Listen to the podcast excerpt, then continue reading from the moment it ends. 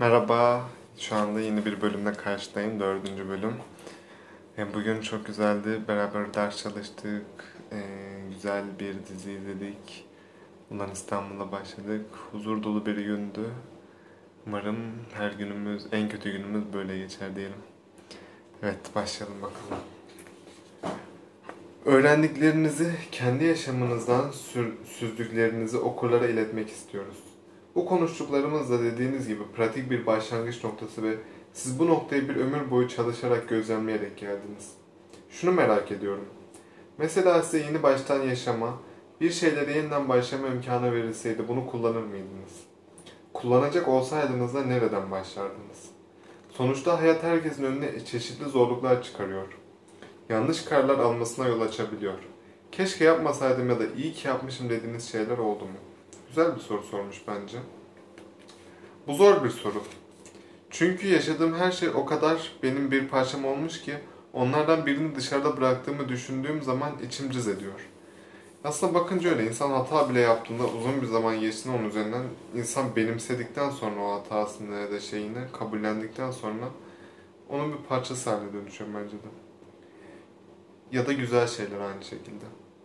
Şimdi dönüp kendime baktığımda insan hayatına anlam vermesinin önemini bir daha bir kez daha idrak ediyorum. İnsan mutlaka hayata yaşadıklarına bir anlam yüklemek zorunda. Yani insanın bir anlam arayışı var. Dahası şu veya bu şekilde kendisi için kendisiyle tutarlı, onun gözünden, onun dinamikleri içerisinden baktığında otantik bir anlam bu.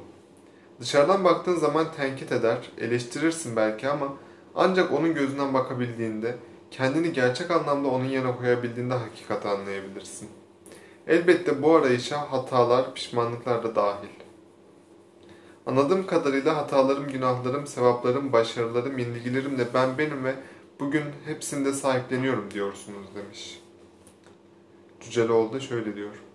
Evet öyle diyorum ve bunu anlamlı buluyorum. Çektiğim hiçbir acı nedensiz değil. Ben onlar sayesinde ben oldum. Ama ille de yeni baştan hayatımı planlamak zorunda bırakılsaydım neler isterdim. Doğrusu üzerine düşünmeye değer. Çünkü bu düşünce insana kendisi hakkında bir şeyler söyler. Ben kendi adıma gözlemleyen bilincime daha erken ulaşmak isterdim. Her insanı zorlayan o kaybolmuşluk hissinden bir an önce kurtulmak isterdim. Her insanı zorlayan o kaybolmuşluk hissinden bir an önce kurtulmak isterdim demiş. Buranın altını çizmek isterim. Her insan bir kaybolmuş hissine giriyor demek ki yazara göre. Rüzgara kapılmış bir yaprak parçası olmaktansa yönünü belirleyebilen, rotasını ve etki alanını keşfetmiş bir insan olma haline daha önce ulaşmak isterdim. Ne kadar önemli olduğumu, esas meselenin benim özümle kendim arasında kurduğum ilişkide yattığını keşfetmek isterdim. Biliyor musunuz? Kendimi sürekli ihmal etmişim. Elbette bunun nedenleri var. Kendimi bulmamı umursayan bir ortamda büyümedim. Hep bir sosyal kimlik olarak yetiştirildim. Eğitildim ve bu şekilde dünyaya bırakıldım.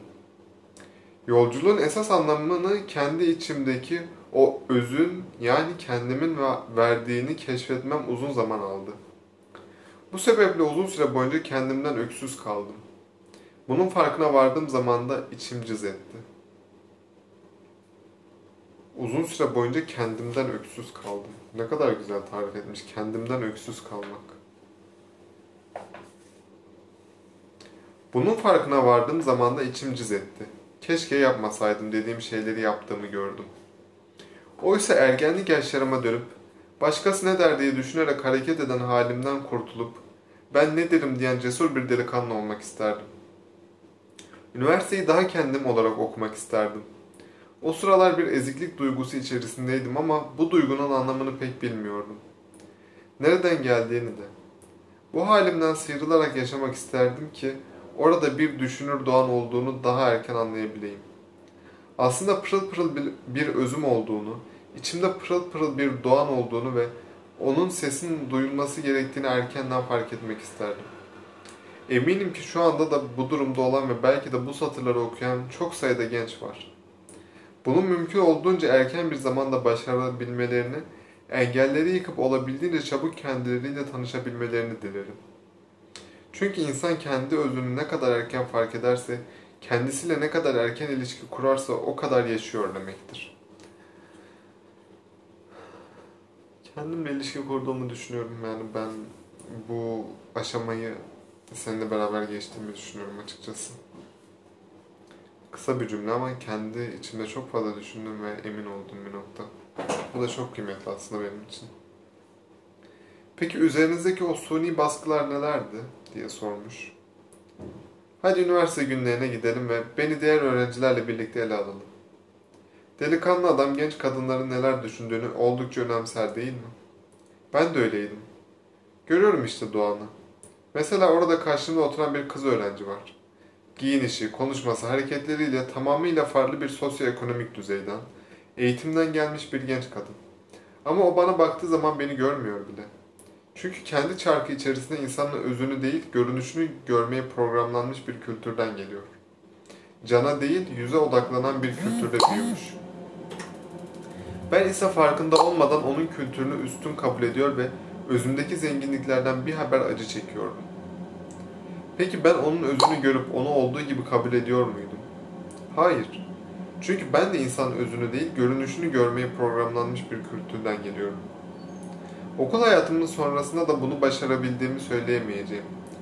Mesela evlilik hayatımda da kendim olarak yoktu. Kim vardı?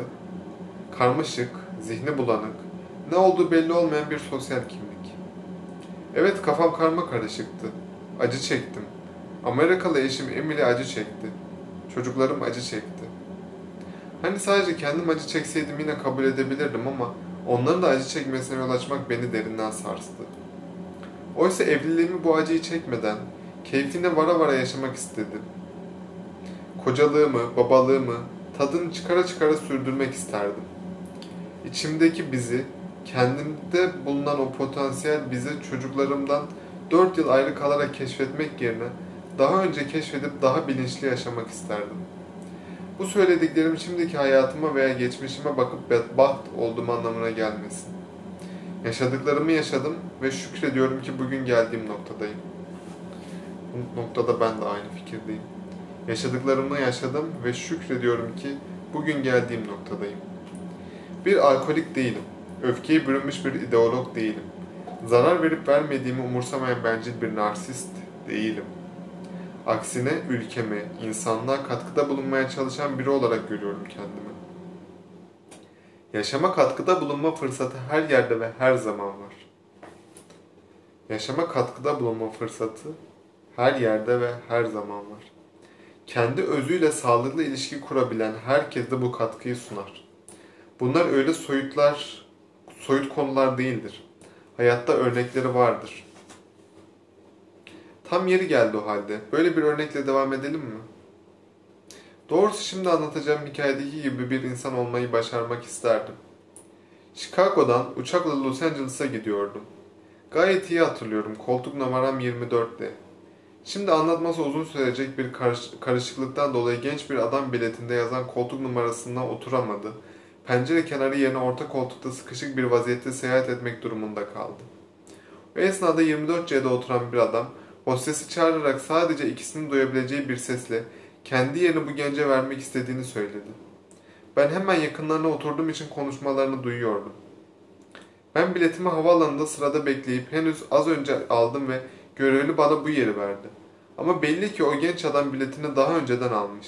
Yerimi ona vermek istiyorum. Sonuçta ortada sıkışmaktansa koridor bir nebze daha iyidir diye düşünmüş olmalıydı ki kendi yerini genç adama teklif etmişti. Hostes genç adamın yanına gidip durumunu anlattı. Adam gülümseyip teşekkür etti, mevcut yerine kalmak istedi ve bir şekilde olay sonuçlandı. Ama ben kafaya takmıştım bir kere. 24C'de koridorda hemen solumda oturan o yolcu neden böyle bir şey yapmak istemişti? Neden hiç alakası yokken koridor tarafı yerine o genç adama vermek istemişti? Yani ben sonradan geldim demek ne demek diye düşünüyorsunuz değil mi? Evet evet sana ne kardeşim tanıdığın biri mi bu niye yaptın bunu? Uçak kalktı. Üç buçuk saatlik yol boyunca içimde hep bu soru vardı. Bu adam bunu niye yaptı? Kafaya takmıştım. Bir yolunu bulup ona, bunu ona soracaktım ama rahatsız etmeden nasıl konuşacağımı da bilemiyordum. Derken okuduğu kitabın başlığını gördüm ve bunu bahane ederek kendisiyle muhabbet kurdum. Uçak o sırada inişe geçtiği için de aklımdaki soruyu ancak piste indiğimizde sorabildim. Merakımı mazur görün lütfen. Neden yeğenizi o genç adama vermek istediniz? Şöyle bir durup bana bakınca soruyu anlayamadığımı düşünüp açıklamaya çalıştım. Yeğeniz ona teklif ettiniz ya dedim.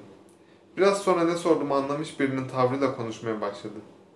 Evet dedi. Ben son anda biletimi almıştım. O ise daha önceden almıştı. Ama niye niye böyle bir şey yaptınız? Bu sefer biraz garipseyerek bana baktı. Because that was the fair thing to do dedi. Yani hakkaniyet bunu gerektiriyor diyordu. Yapılması gereken adil hareket bu. Bunu duyunca o kadar etkilendim ki gözlerim doldu. Bana göre bunun tek bir açıklaması var. Bu adam kendi özüne olan saygısını kaybetmek istemiyor. Besbelli ki kendisiyle kurduğu ilişki özel ve önemli. Kimse bilmiyor ama sen kendini biliyorsun. Ve sen kendin için dünyadaki en önemli insansın. Kimse bilmiyor ama sen kendin biliyorsun. Ve sen kendin için dünyadaki en önemli insansın. Öyle olmalısın. Aksi halde yaşadığın hayat senin hayatın olmaz. Mış gibi bir hayat sürersin. Bu yüzden benim hayatım diyebilmen, yaşadım diyebilmen için her zaman bu durumda olduğu gibi kimsenin bilmediği bir koşulda dahi sen kendin için doğru olanı, adil olanı yapmalısın. Bunu çok hem de pek çok önemsiyorum. Kültürümüzde kul hakkı yemeyeceksin diye temel bir ilke var ve sürekli konuşuluyor ama çoğu kez hakkıyla yaşanmıyor. İşte aslında bu adamın yerini vermek istemesinin alt- altında kul hakkını koruma kaygısı yatıyor. Yani bütün bu hikaye ancak kul hakkını korumak üzerine kurulursa anlam kazanıyor. Dahası ne acı ki böyle bir insan görmek beni hepimizi şaşırtıyor. Ben onun durumunda olsam böyle bir şey yapar mıydım diye kendime sordum. Yapmazdım çünkü ona karşı bir sorumluluk duymazdım. Dürüst olayım aklıma bile gelmezdi. Yaşadıklarımdan öğrendiğim şeyler her gün, her dakika çoğalıyor ancak bunun için işte bu hikayede olduğu gibi gözlemleyen bilincimi her zaman açık tutmalıyım. Gözlemleyen bilincimi her zaman açık tutmalıyım. Evet. Teşekkür ediyorum dinlediğin için. Kendimize saygı duymalı, kendimizi sevmeli, kendimize dönmeliyiz. Cidden bu kitapta ben bunu başaracağıma inanıyorum. Her an buna katkı sağlayan cümleler okuyorum ve bunlar beni etkiliyor.